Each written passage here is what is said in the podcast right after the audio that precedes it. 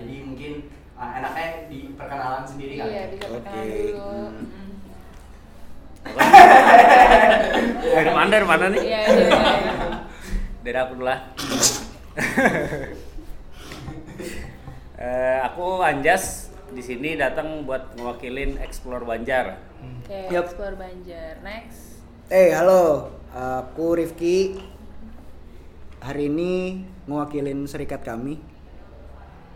Ya, aku Ayub. Hari ini ngewakilin bilik bersenyawa. Uh, ini Oke, kan, ini kan siap. media kan yang Iya, bisa iya, iya. dideskripsikan Oh, lah iya. Oke, oke, siap, siap. Ekspor Banjar itu apa? Terus Jawa itu apa? Ya, agak- agak- orang dengar tahu. Jawaban kita agak template ya. basic basic Basic basic. Mungkin dari Mas Anjas dulu ya. Silakan, silakan Mas. kalau Explore Banjar eh, itu media buat ngenalin apa yang ada di Banjar secara umum sih Hmm. secara keseluruhan sebenarnya cuma karena munculnya mungkin di di fase kita lagi ramai ngenalin eh, tempat wisata kayak alam-alam kayak gitu Iya, jadi iya. lebih banyak yang terekspos tuh itu mungkin eh, sedikit banyaknya tuh kayak gitulah explore Banjar Oke. secara eh, rincinya mungkin nanti bisa diobrolin lagi Oke. Oke, kalau aku sendiri tadi udah bilang mewakilin dari serikat kami ya, yang saat ini masih under reconstruction. Serikat kami itu sebenarnya harapannya sih media yang akan meliput tentang F&B sih. Hmm. Cuman Oh, sekarang F&B. ah, F&B di Banjarmasin, cuman sekarang masih fokus ke dunia kopi, perkopian sih Hmm. bisa dibilang gitu. Silakan Bang Rocker. Siap.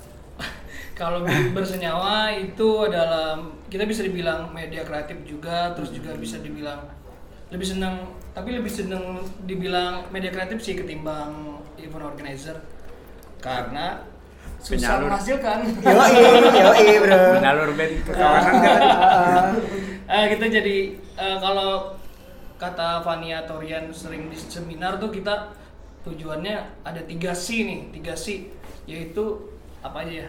Apresiasi, terus ekspresi sama eksplorasi kawan-kawan penggiat kesenian atau lokal movement atau industri kreatif di Banjarmasin dan Good, sekitarnya. good school sekali ya. Wah, belum sampai sana.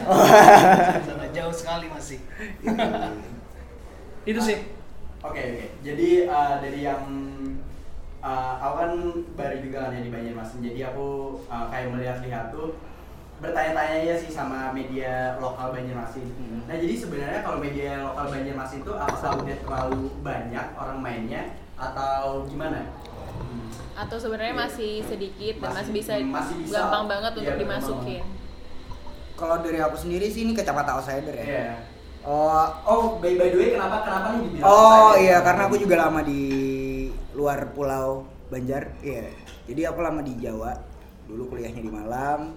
Hmm. Terus sempat kerja di, di Jakarta juga gitu kan. Makanya kurang kurang kurang tahu gitu loh sama Banjarmasin. Tapi dari tahun berapa ya? 2000 2018 apa ya? 2018 atau 2019 tuh udah tahu adanya bilik di Banjar gitu loh.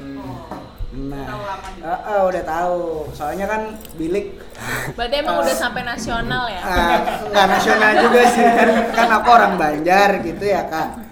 Jadi makanya eh, ada yang bilik tuh tahunya kayaknya pas collab sama FSB deh. Iya, forum. Iya, Forum Senias Banua. Jadi emang karena aku basic orang film, jadi kan follow FSB dulu baru tahu sama bilik gitu. Ya akhirnya ngulik nih bilik nih apa, tapi dengan persepsi sendiri kan. Nggak ada temen juga sebenarnya di Banjarmasin yang ikut bilik. Baru ketemu juga sama Mbak Ayub pas aku pulang dan mencari kerja di Banjar. Cari penginapan pertama. Iya cari penginapan. Ah, Nebeng dulu. Nebeng. Kan sekarang saya masih nomaden kak. Ah, benar dari luar anda ini ya benar-benar dari luar. Jadi memang skill bertahan hidup saya jago. sudah Ya, teruji lah ya Sudah teruji. Welcome to the jungle bro. Benar-benar jungle sih. Terus Jadi- gimana tuh? Iya ya, jadi eh, awalnya bingung nih. Biliknya apaan sih gitu. Kan ada bilik info juga Bang Ayub ya. Kenapa jadi ngomong? Enggak maksudnya, enggak maksudnya eh, ada bilik info juga yang di mana itu yang bikin sudut pandangku tuh sebenarnya agak-agak bingung gitu loh. Hmm. Ini media atau sebenarnya kreatif agensi sih? gitu sih sebenarnya karena kan event kan yang dikerjain tuh aktivasi gitu loh. Collabnya ke mana-mana gitu kan. Ternyata pas ketemu sama yang punya inisiatif bikin bilik ini kan kolektifan gitu malahan malah lebih kaget lagi hah kolektifan gitu segitunya gitu kan. Padahal potensial banget kalau misalkan kita pengen aktivasi Hmm. satu event gede gitu. Krisis identitas ya? Krisis identitas lebih tepatnya tuh kayak gitu. Dan apa namanya eh, pas ketemu juga sempat diskusi sama bang Ayub. Ya emang sempat disponsori juga bang Ayub ya Eh, bilik sempat disponsori Oh, iya, juga kan kontrak-kontrak. Eh, kontrak sponsor gitu sama satu brand lah gitu dan ya tahu akhirnya bilik itu Oke. apa gitu Hmm. itu sih kalau dari aku teman-teman awalnya bingung Eh, ter- terus terus kalau Eh, misalnya template banget ya Allah Terus kalau misalnya Melebar, meluber. garis besarnya di, Ah, di ah. Banjarmasin itu gimana nih medianya? Apakah medianya ternyata masih bisa nih dari orang-orang yang baru mulai untuk masuk di media? Sangat bisa sekali. Kenapa tuh? sangat bisa sekali karena kalau menurutku eh, Banjarmasin ini masih masih apa ya masih dikategorikan dikategorikan sebagai eh, daerah yang berkembang ya Hmm. jadi masih belum banyak media kreatif media kreatif yang yang menyediakan informasi-informasi subjektif tertentu contohnya misalkan kayak yang yang bikin uh, satu rubrik tentang fashion anak muda di Banjarmasin. Habis itu tentang apa lagi ya tentang kehadiran sebuah coffee shop yang baru gitu-gitu. Hmm. terus kreatif agensi juga belum ada gitu dari Banjarmasin. Tuh lahan banget sih ketimbang kita pakai orang luar kan mending pakai usaha lokal lah kayak gitu sih kalau dari aku. Makanya aku bilang sama teman-teman yang emang bener-bener punya jiwa kreatif ya why not sih kalau mau nyoba Oke, kalau dari sudut pandang yang lain gimana nih yang udah lama di sini? Mas Anjas nih, Mas Yo. Anjas. Kalau dari saya sih pribadi pandangannya kalau buat kesempatan buat bikin media baru di Banjarmasin tuh masih besar sih ya. Hmm. Soalnya kalau ngomongin walaupun udah banyak yang mulai duluan cuma yang dipertahanin yang dipertanyakan tuh bisa bertahan apa enggak itu. Hmm. Soalnya kayak kita sendiri yang jalanin itu akhirnya kita kebentur sama kesibukan di luar eh, di luar media yang kita kerja kerjakan karena emang mungkin salah satu faktornya juga dari kotanya Banjarmasin kan masih susah buat kita hidup dari hal-hal kayak gitu tuh lah. Oh, iya sih. Nah, jadi akhirnya kita survive di hal lain dan ngorbanin apa yang udah kita kerjain di awal tadi. Kalau itu kalau aku bicara dari 2014 ya mulainya. Jadi kita agak kendor tuh di 2016 lah. Hmm. Nah, kalau belakangan di 2018 19 tuh udah mulai rame lagi kan media mungkin ada bilik dan yang lain-lain. Kayak gitu sih. Kalau sampai sekarang masih besar lah kesempatan sama kayak yang dibilang si Rifki tadi.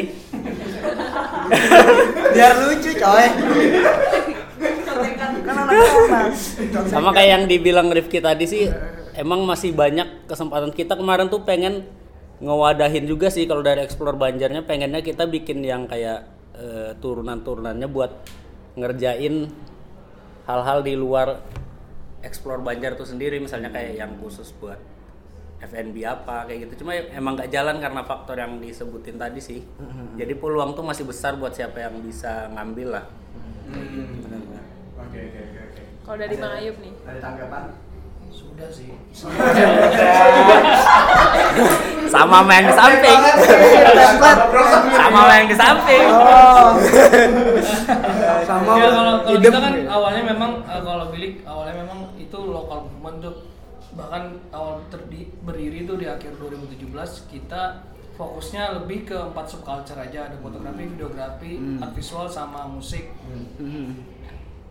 Nah, eh, karena kita ngerasa, wah kayaknya nih nggak ngerasa juga sih. Maksudnya, kayaknya nih kita lebih ha- harus bisa lebih kolaborasi lagi sama sama eh, subculture subculture yang lain karena subculture. eh, karena bis- biar bisa ngenalin ngenalin lagi gitu, lebih luas bahwa eh, banyak eh, di Banjarmasin ada Banjarmasin, apa aja ada apa aja sama di 2020 akhirnya Bilik lebih ngeluasin lagi nih nggak cuma masalah lokal movement yang awalnya tadi empat supporter terus nambahnya ke ke kemarin sempat collab sama custom custom bikers juga ya Hmm. Bron Brondong tuh sama anak-anak teater juga dan yang lain stand up juga.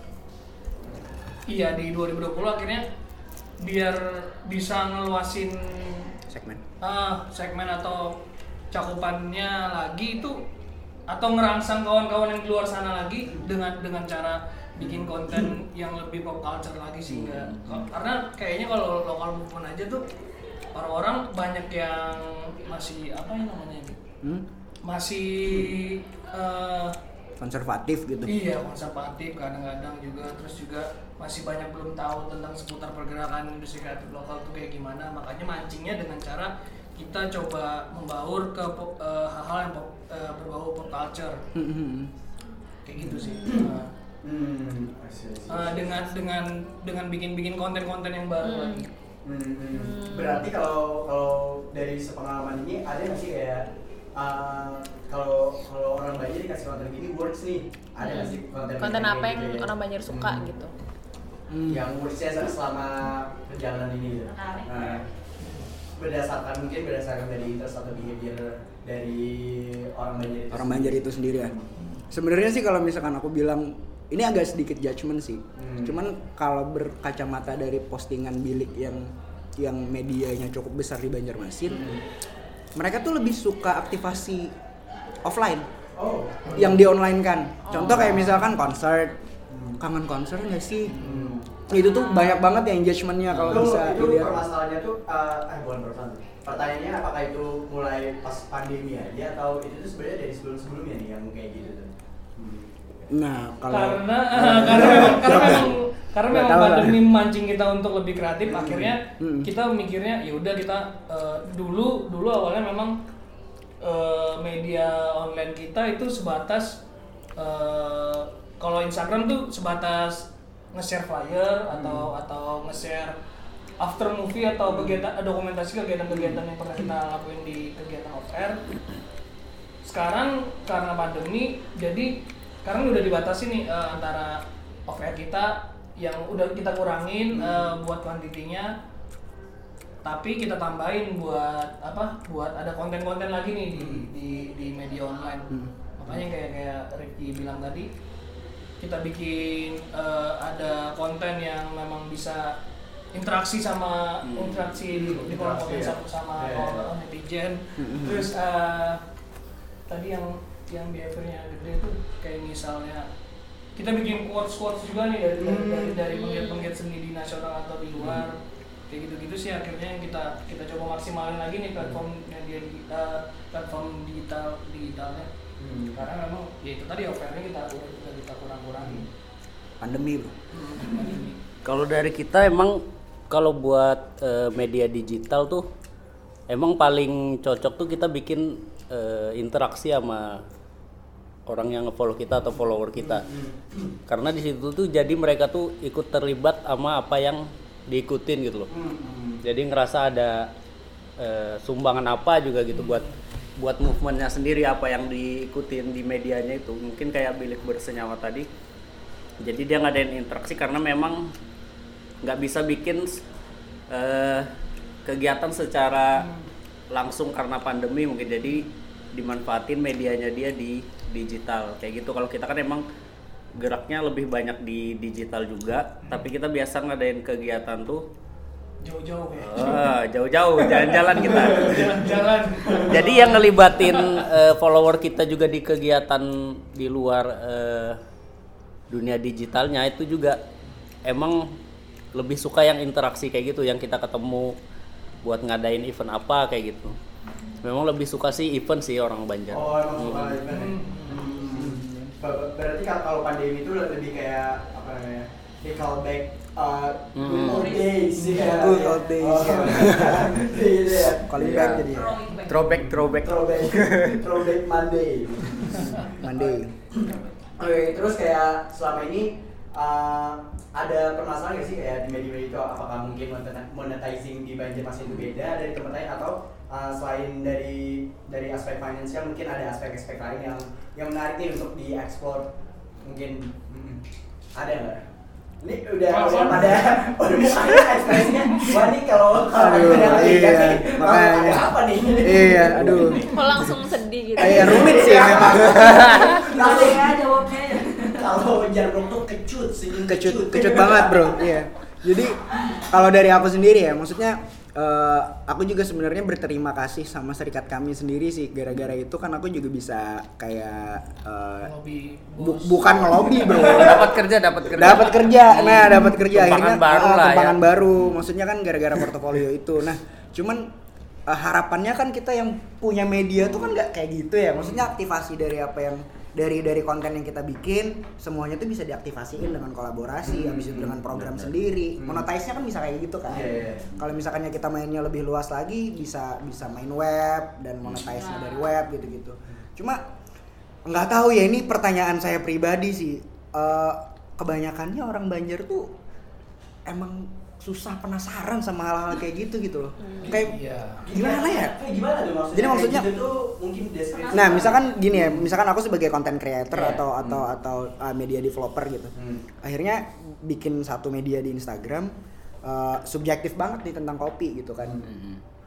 ya udah bikin dengan dengan sudut pandang aku dan dan dan apa namanya dan hasil riset gitu keluarin kontennya. Ya emang kalau emang pertama tuh emang nggak nggak nggak nggak nggak bakalan ada yang Kurang nyari gitu ya. kan. Cuman kalau udah mulai ke highlight nih banyak collab sama sama sama kedai-kedai kopi yang emang udah apa ya udah Well, established di Banjar gitu ya itu tuh mulai tuh diomongin "Ya, apaan sih nih Hmm. Ya maksudnya kultur orang sini tuh nggak tahu ya apaan ini tuh konteksnya negatif atau positif tuh nggak Oh, tahu iya, kita iya, kitanya iya. nggak tahu ya, ya bukan tanggung jawab apaan sih ngeganggu Nah, iya sih? Bisa jadi kayak bisa gitu. jadi kayak gitu, bisa jadi kayak gitu.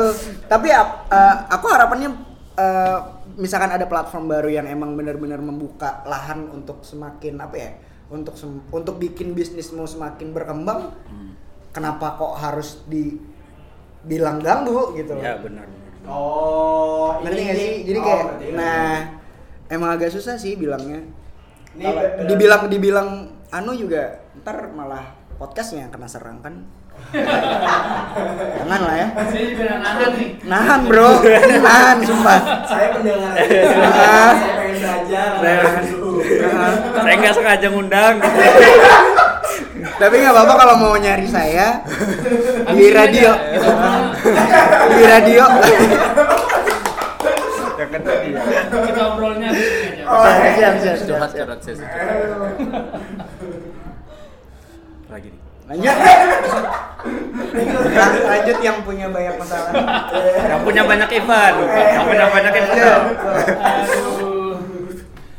Eh, apa ya? Tadi diperjelas, Li. permasalahan dari beberapa sudut pandang nggak pak? permasalahannya iya itu tadi nggak eh, ngerangsang orang-orang di atau kawan-kawan di luar sana yang yang memang belum tahu belum tahu sama sekali eh, pergerakan kesenian yang udah-udah jalan di luar sana kayak gitu. Hmm, iya. kayak misalnya nih eh, kita pernah nge, eh, ngetes dulu kan bukan dulu maksud eh, ada anggota bilik namanya Vania Hmm. dia eh, lulusan good school kemarin dia siswa good school selama 4 bulan kalau nggak salah atau 6 bulan. Datang ke Banjarmasin karena masih ada program kita sama brand akhirnya dijalanin program yang yang dia jalanin di good school kemarin. Hmm. ya good school itu eh, apa sekolah seni kolektif di Jakarta. Pas dibikin itu ya nggak semua ya nggak semua paham akan apa yang dijelasin dan apa yang di workshopin saat itu Hmm. makanya dari situ kita bisa narik kesimpulan Banjarmasin itu memang rata-rata teman-teman tuh masih perlu dikasih basic-basicnya dulu Hmm.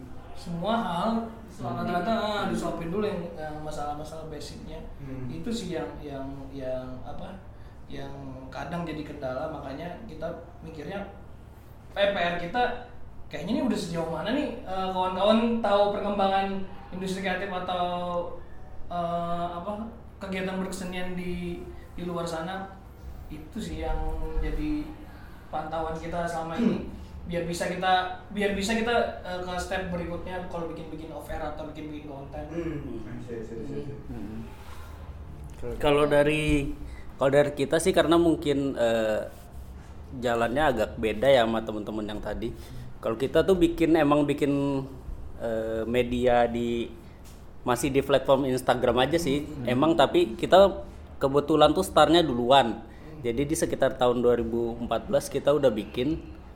Terus itu emang cuma media informasi sih. Emang media informasi apa yang ada di Banjarmasin yang ibaratnya nggak begitu banyak ngelibatin eh, event-event lah waktu itu kan kita cuma sekedar ngasih informasi dan waktu itu belum banyak yang gerak kayak gitu. Jadi kita tuh masih dapat eh, spotlight lah. Kita masih yang jadi pusat perhatiannya itu masih kita. Jadi waktu di era kami itu untuk masalah eh, travelingan. travelingan emang kita sih selain kayak kita dapat dari justru orang luar tuh ke kita. Kayak beberapa beberapa stasiun televisi yang bikin acara jalan-jalan itu program jalan-jalan itu ke kita gitu minta eh, gate-nya sama kita minta dibawa ke mana-mana sama kita minta promosinya sama kita. Terus diikutin lah sama kayak industri rumahan atau apa yang pengen eh, usaha-usaha kayak gitu yang pengen dilihat usahanya makanya jasa kita buat promosiin sih. Kita lebih sesimpel itu aja sih kemarin geraknya untuk masalah beruangan Jadi lebih umum ya Mas lebih umum aja aman Yeah. Aman. aman aja Eh, kita eh, ya udah kita kita di- deeper lagi lah di masalah finansial. Nah berarti kalau di finansial tuh eh, bukan financial mulai sih, mulai ya. terjadi Ah, kepusingan monetizing monetizing Ya, ya. media lah ya. Gimana tuh kalau di Ya kalau monetizing media tuh ada hal lain gak sih selain orang beriklan ya, Hmm. ya iklan endorse dan lain-lain ya. Ada hal lain gak sih di di uh, media itu bisa monetizingnya atau cuman di situ aja itu uh, monetizing untuk media? nggak nggak cuma beriklan sih kalau dari kalau dari aku bisa bikin merch bisa Hmm. merch yang official Oh, dari merch. dari Hmm, media bener. kita sendiri kan. Bisa banget. Atau collab kolaborasi gitu sama brand lain. Terus bikin satu uh, aktivasi event misalkan. Uh, abis itu share profit kan bisa kan kita Oh, semua iya. iya kan? Kata-kata itu tadi Hah? berarti kan ada jawaban lagi. Sama kayak samping. Itu itu itu itu yang aku ada ya. Tolong dikembalikan 15 detik. biar dia yang mulai duluan. Aduh. Aduh. Sama bang. Ntar dikat aja. Nah. Ini nih aku sharing sharing pengalaman maksudnya kan? Kita dulu juga aduh. Jadi pertama kali aku uh, masuk ke dunia media coffee shop ya itu di Malang di Amsterdam nama coffee shopnya nah sebelumnya Amsterdam tuh emang fokusnya di roastery aja sebelum aktivasi ke ke uh, coffee shop gitu loh yang dine in terus yang bisa take away nah di tahun 2017 akhir atau 2018 awal aku lupa Nah itu kita bikin aktivasi offline event yang namanya tuh di balik bar. Di balik bar. Nah krunya dari kita gitu loh. Kru media, tim kreatifnya tuh dari kita. Eh, gimana caranya itu event blow up? Kita undang nih media-media mainstream yang kayak Malang eh, apa namanya Malang tahu. Malang Pos itu. Oh, Nah itu kayak Jawa Oh, Pos. Ah, ah. Kita undang tuh semuanya biar liput kita kan. warga Banuanya sana lah Iya, Yang enggak, enggak. Banjarmasin posnya sana. Kok warga Bandung? Jauh, jauh banget bro. Warga Malang. Waduh, ini biar, lucu aja biar oke. Kirain ada. biar ada biar ada biar ada dialog Kirain. uh, oke siap. Kirain ada anu apa apa dendam tersendiri. Ah, canda canda. Jadi. uh, aduh, enak banget jadi warga Bandung. Jadi gini ya. Lanjut ya, lanjut ya. Ini lanjut ya. kita semua warga warga Iya warga, warga Bandung enak. Banjarmasin tuh good man, enak. Ah, jadi lanjut ya ke di balik bar itu, pas kita mau blow up the event, kita undang itu tadi media-media mainstream yang ada di Malang, kayak misalkan Jawa Post dan media mainstream lainnya lah ya. Terus kita undang nih teman-teman kolektif yang emang bener-bener in charge di coffee shop. Partner kita juga yang misalkan coffee shop coffee shop terdekat kita juga undangin gitu ya. Otomatis kan nilai share kita di sosial media tinggi gitu loh selain orang yang datang engagementnya tinggi.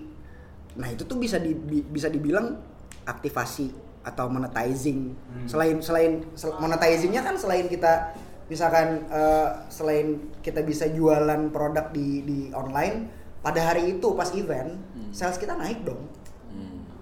ya nggak sih logikanya tuh kayak gitu gitu loh maksudnya kalau pengen monetize apa yang kita punya nggak tahu nih di Banjar nih ada sih beberapa coffee shop yang emang udah melakukan itu gitu cuma Ada, ada. jauh sih sama Ada. nggak tahu ada ya ada ada Terakhir-akhir kan ada. ada lanjut nih gimana bang Aku dulu aja soalnya. Iya ya. Iya, Biar kan habis kan habis. Iya biar kan habis. Benar benar. Ya Ya. caranya Biar nggak habis tok kata-kata. ntar Ini yang mau kupakin. ntar eh ntar next question aku yang terakhir ya Pokoknya cepet-cepetan supaya dapat kata-kata paling pilihan paling terbaik banyak. ya. Aduh ini kata-katanya udah lagi.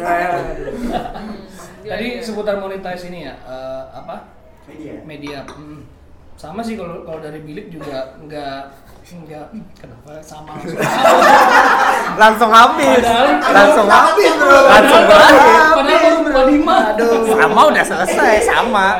Ya itu tadi kita kalau untuk di media belum belum belum terlalu menghasilkan sih paling itu eh, ada endorse gitu yang emang nggak nggak nggak dalam bentuk uang entah entah itu makanan atau minuman atau voucher yang bisa kita kolektin sama konten di media kita ya udah jalan aja. Karena kebetulan kita untuk kas organisasinya sih dari kegiatan-kegiatan yang yang bisa dibilang kerjasamanya sama brand-brand komersil kayak tahun lalu itu kita dikontrak 2 tahun sama brand rokok boleh kan nyebutin rokok Boleh, boleh.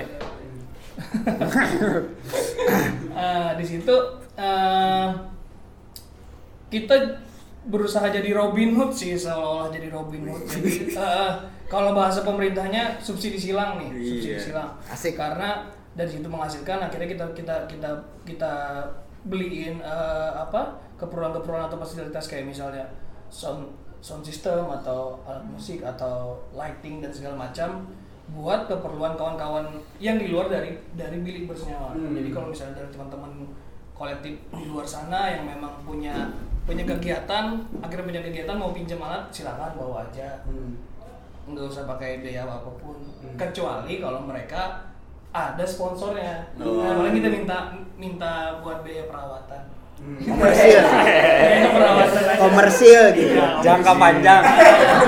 Perawatan jangan agak banyak. nah sama eh, yang ini pembenaran juga sih di, nggak di luar sana banyak teman-teman yang ngira wah Bilik tuh event organizer ya Bilik tuh eh, apa apa tadi disebutin eh, apa eh, Agen band kekawanan. kre- kre- eh, manajemen Manajemen Oh, band Label, kekawanan. label, eh, Label label. label. Padahal enggak kayak gitu sebenarnya. Uh, Milik ya. klarifikasi nih. Ini ya eh, ya kita kita berkolektif bisa, kalau kerjasama juga bisa. Kalau kalaupun kerjasama sama brand-brand eh, yang komersil tadi kayak misalnya kita nggak nggak cuma kerjasama sama kemarin nggak cuma sama brand rokok kita juga kerjasama sama brand-brand provider dan lain-lain tapi asalkan konsepnya memang dari kita memang bisa yang kita ada beberapa eh, konsep konsep yang Program. berkesenian ah, program-program dari kita yang bisa dicampurin ke ke apa ke brand mereka Hmm. kalau mereka memang ACC ya udah jangan kalau enggak ya udah cari event organizer aja kayak Oh. gitu sih nah paling menghasil eh, menghasilkan menghasilkannya itu lebih ke yang off air sama pernah juga nah ini yang sama tadi nih Eh, collab sama beberapa kawan-kawan penggiat seni di Banjarmasin bikin merchandise. Hmm. Jadi kita ada namanya bersenyawa merch. Di situ kita kolaborasi sharing profit nih. Jadi mereka bikin misalnya mereka bi- bikinin aku kalau yang eh, apa visual artist kan visual artist di bidang sketch atau eh, sketch digital kayak gitu kita collab sama mereka terus ya udah sharing profit Hmm. nanti kayak gimana Hmm. atau sama band misalnya kita kita kolaborasi sama band bikin merchandise-nya sama sharing profit juga Oh, kayak gitu sih. banyak lah ya bisa Hmm. dikembangkan. Cara monetize. Hmm. Ada tambahan? hampir sama masih belum masih belum masih belum sama Ya, beda. masih belum masih belum sama masih belum sama jadi kita juga pernah sih bikin eh, bikin kegiatan juga buat anak-anak yang suka jalan-jalan tadi terus kita bikin emang sih kita bikin merchandise juga. Jadi emang salah satu bisa dijadiin buat salah satu eh, apa ya pilihan ya buat dapat penghasilan di situ. Di luar itu sa- aku sama anak-anak di dalam Explore Banjar juga pernah bikin satu media lagi yang karena kita nggak bisa nyalurin itu di Explore Banjar kita bikin media buat kita tuh nawarin jasa buat ngehandle media-media sosial Eh, FNB kayak gitu yang ada di Banjarmasin itu pernah jalan oh kita pernah jalan di 2000 Admin sih. Bisa dibilang admin gak sih, Mas? Iya, tapi ya sosial media tapi kita ngurusin sampai ke konten ya, Oh, dan creator ya. Hmm, kreatornya. Jadi kita sempat ngerjain itu juga di 2018 dan lagi-lagi karena banyak kegiatan di luar juga hanya beberapa orang lah yang jalan sekarang.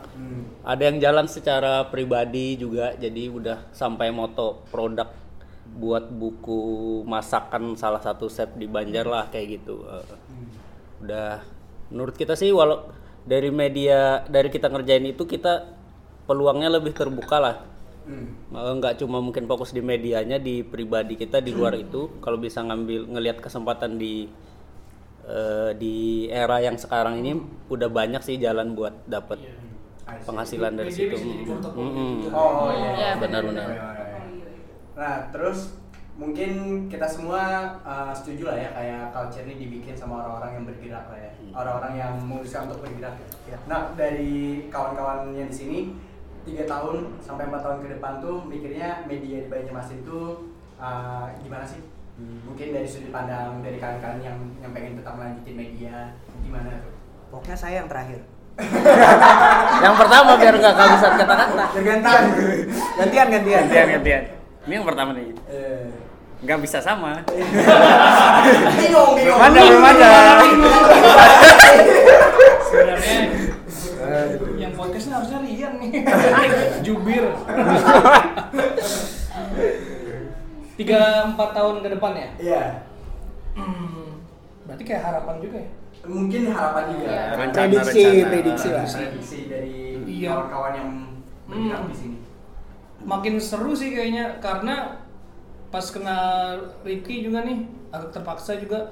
eh, wah tiba-tiba ada apaan nih mono mono Pictura ternyata ada ada apa nama platform yang khusus kopi juga tapi punya visi yang beda dan itu first time di Banjarmasin kan. Hmm. Terus pernah teman-teman sering share juga ada beberapa memang yang udah berani bikin kreatif agency meskipun yang belum bisa jalan karena pandemi juga. Oh, itu kayaknya juga udah udah mulai memancing yang lain kan. Terus Ya. juga kayak podcast podcast juga udah udah udah mulai ramai juga kan. Hmm.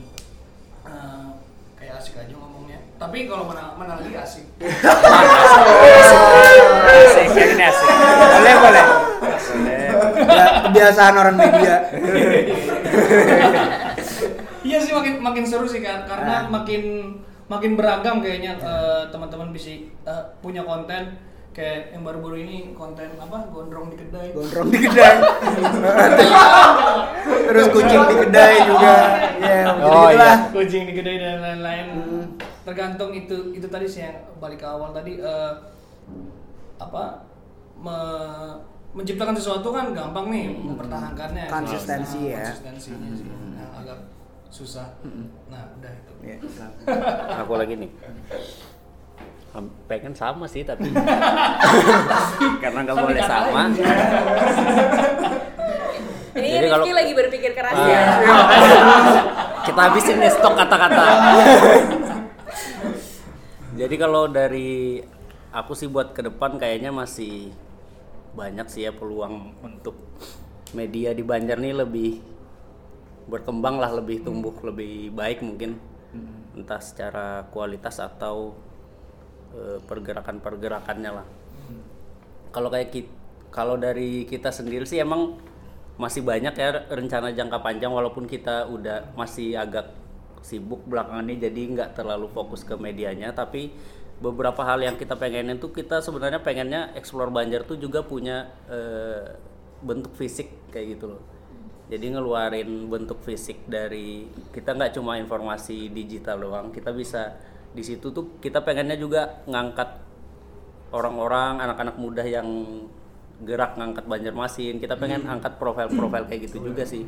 Pengennya kita eh, wujudin itu tuh di bentuk fisik aja. Kayak gitu, nggak cuma di digitalnya. Kita pengen bikin majalah kayak gitu. Eh, Zin-zin gitu ya. zin-zin kayak gitulah. Terus eh, kalau ngelihat dari teman-teman di luar juga kita pengen ada pengennya tuh ada pergerakan-pergerakan sosial juga sih kayak kayak misalnya contohnya kita ke sekolah-sekolah yang agak jauh lah ke dalam di Banjar kan masih banyak kan yang kayak gitu. Cari Jadi kita bantu buat eh, edukasi. Kalau kita dilihat di luar sih media orang-orang media yang berangkat dari platform Instagram sendiri itu udah lumayan jauh lah geraknya kayak gitu. Jadi semoga hal-hal kayak gitu tuh bisa kita lakuin juga sih di Banjarmasin. Jadi Bahkan ada Noel ah, kita pengen ada perkembangan entah dari masalah yang penghasilan tadi atau secara eh, dampak-dampak yang positif lah buat Kalimantan Selatan sendiri. Iya. Benar. Mana Mas Rifki? Masih ada, masih ada, masih banyak. Masih santai. saya dibagi, dibagi lah tadi kan udah. Masih ada, masih Ternyata ada. susah juga ya. Masih ada. Merasa lah. Makanya tadi aku selalu pertama gitu loh biar gak kehabisan. Langsung start aja kan? Heeh. Kalau aku sih sederhana ya eh, harapan ataupun prediksi ke depan sesuai anu sih aku tuh selalu yakin kalau bahwasanya generasi muda tuh akan selalu lebih baik gitu. Karena eh, dari eh, pengalamanku aja misalkan kita nih di sini semuanya 1 2 3 4 5 6 nih influence-nya beda-beda. So outputnya juga beda-beda dong kalau kalau pengen bikin sesuatu gitu. Sama halnya media gitu loh. Semakin semakin ke sini yang mereka serap itu tuh generasi muda serap itu tuh akan lebih banyak serapannya ketimbang kita yang udah agak lumayan berumur gitu kan. Ya karena apa ya? Mis- Aduh. Dia lagi serius kenapa jadi bercanda? Jangan jangan nangis. Tahan, tahan. Ya. ya maksudnya gitulah maksudnya eh, pasti berkembang dan aku melihat eh, di Banjarmasin tuh teknisinya tuh potensial banget gitu loh kalau misalkan mereka merantau ke Bandung atau ke Jakarta tenaga mereka akan terserap gitu karena apa ya referensi itu nggak kurang-kurang sebenarnya cuma permasalahannya adalah bagaimana bikin apa yang mereka bikin tuh konsisten. Nah kalau bisa ngelewatin konsistensi ini kayaknya semakin maju sih. konsisten ya Konsisten sih kalau dari aku ya. Sama sama selalu percaya sama generasi muda Bang Ayub. Iya. Makanya sekarang ini kan anak muda semua. nambahin nih, nam- nam- nambahin boleh Ki? Boleh, boleh Woi, banget. banyak, banyak, boleh, boleh. Boleh, boleh. dua kali Boleh, boleh, boleh. Boleh, boleh. Sudah dicatat nih. Karena tadi pertama masih belum habis kan, masih Iya, ada nyaman ya. Iya. Bisa kan. ternyata masih ada nih stok. Sikat. Eh, enggak sih Kak. Eh, kayaknya kadang tuh ngeliat ngeliat ada beberapa platform teman-teman yang pernah bikin tuh bisa jadi stagnan nggak nggak apa tadi nggak konsistensi lah nggak konsisten lagi itu mungkin karena itu tadi eh, apa nggak ada mereka stuck di stuck di konsep yang kayak gitu aja kontennya itu itu aja. Makanya kadang tuh solusinya kayaknya harus berkolaborasi dan berjejaring sih. Berjejaring sampai maksudnya berjejaringnya sampai nggak cuma di di skala kota bisa sampai nasional juga. Karena kalau sudah bisa berjejaring sampai keluar itu bisa nerima perspektif baru lagi kan Ah, eh, benar. dari dari kawan-kawan yang di luar sana atau bisa kolaborasi lagi dari eh, dari kawan-kawan di luar sana bikin bikin konten atau program yang baru akhirnya Berarti bilik bersenyawa membuka pintu kolaborasi sebesar-besarnya. iya dong. Waduh.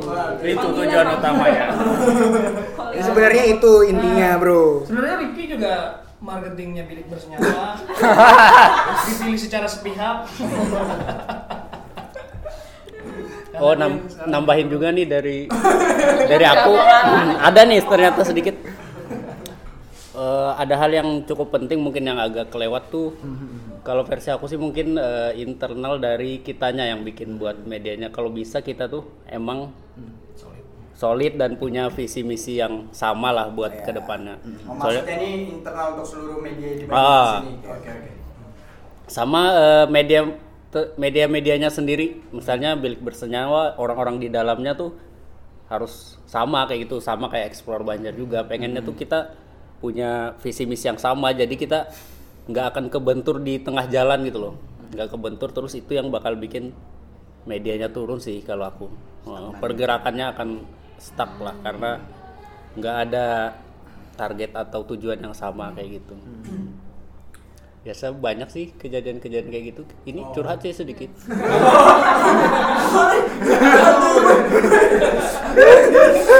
Sekalian ya. Apa. Ada nih, ada nih. tapi memang tapi ada, memang, ada. tapi memang benar apa namanya eh, bikin media di Banjarmasin tuh pasti selalu eh, apa ya banyak banget rintangannya. Pertama masalah apresiasi. Karena di sini apresiasinya masih belum kencang ya. Supportnya juga kadang agak belum kencang Sebatas juga. komen aja. Ah, sebatas komen gitu kan. Ya apa ya? Maksudnya ntar balik lagi lah sama pelaku teman-teman media yang mungkin akan bikin media eh, kreatif subjektif apa namanya? Media kreatif yang baru satu sih pesannya prioritas sih prioritas itu aja sih kalau dari saya ya maksudnya prioritas bikin prioritas prioritas eh, apa ya eh, media itu dijadiin prioritas media gitu. Oh, Konsisten iya. dan balik lagi. Oke. Oke. Yun Mungkin itu aja dari. Oh itu aja. Habis ini. lagi dong. Aduh belum Ya udah nih. kelar nih curhatnya. Nah, nah, canda Masa udah selesai? Enggak. Ini kan lagi? Ayo tunggu. Kita mau membacakan dari teman-teman. Ini kan bukan podcast. Oh gitu. ya, ya, ya. Siap, siap. Kirain. Kirain ada. Ada 100 padahal cuma kami yang Ini marah. nggak ada, ini apresiasi nggak ada. Banyak yang barusan ngomong. Curhat, curhat. Nggak ada emang nggak ada. Bang Enggak, kita aja yang. Oh iya. Iya. sebenarnya mana lagi tuh? Kok mana lagi? Gimana gimana? Sama canda bro. Kan bisa di Tujuan mana lagi sendiri dibikin buat apa nih? Kalau boleh tahu kan? Masalahnya kalian ngundang Kan media bro. media juga nih, Oh, media kan iya. podcast media Biar- juga. bisa Ah. Eh, Bener, bener. Kita repost, kita repost dong. Ah, Jelas. Dari pos bro.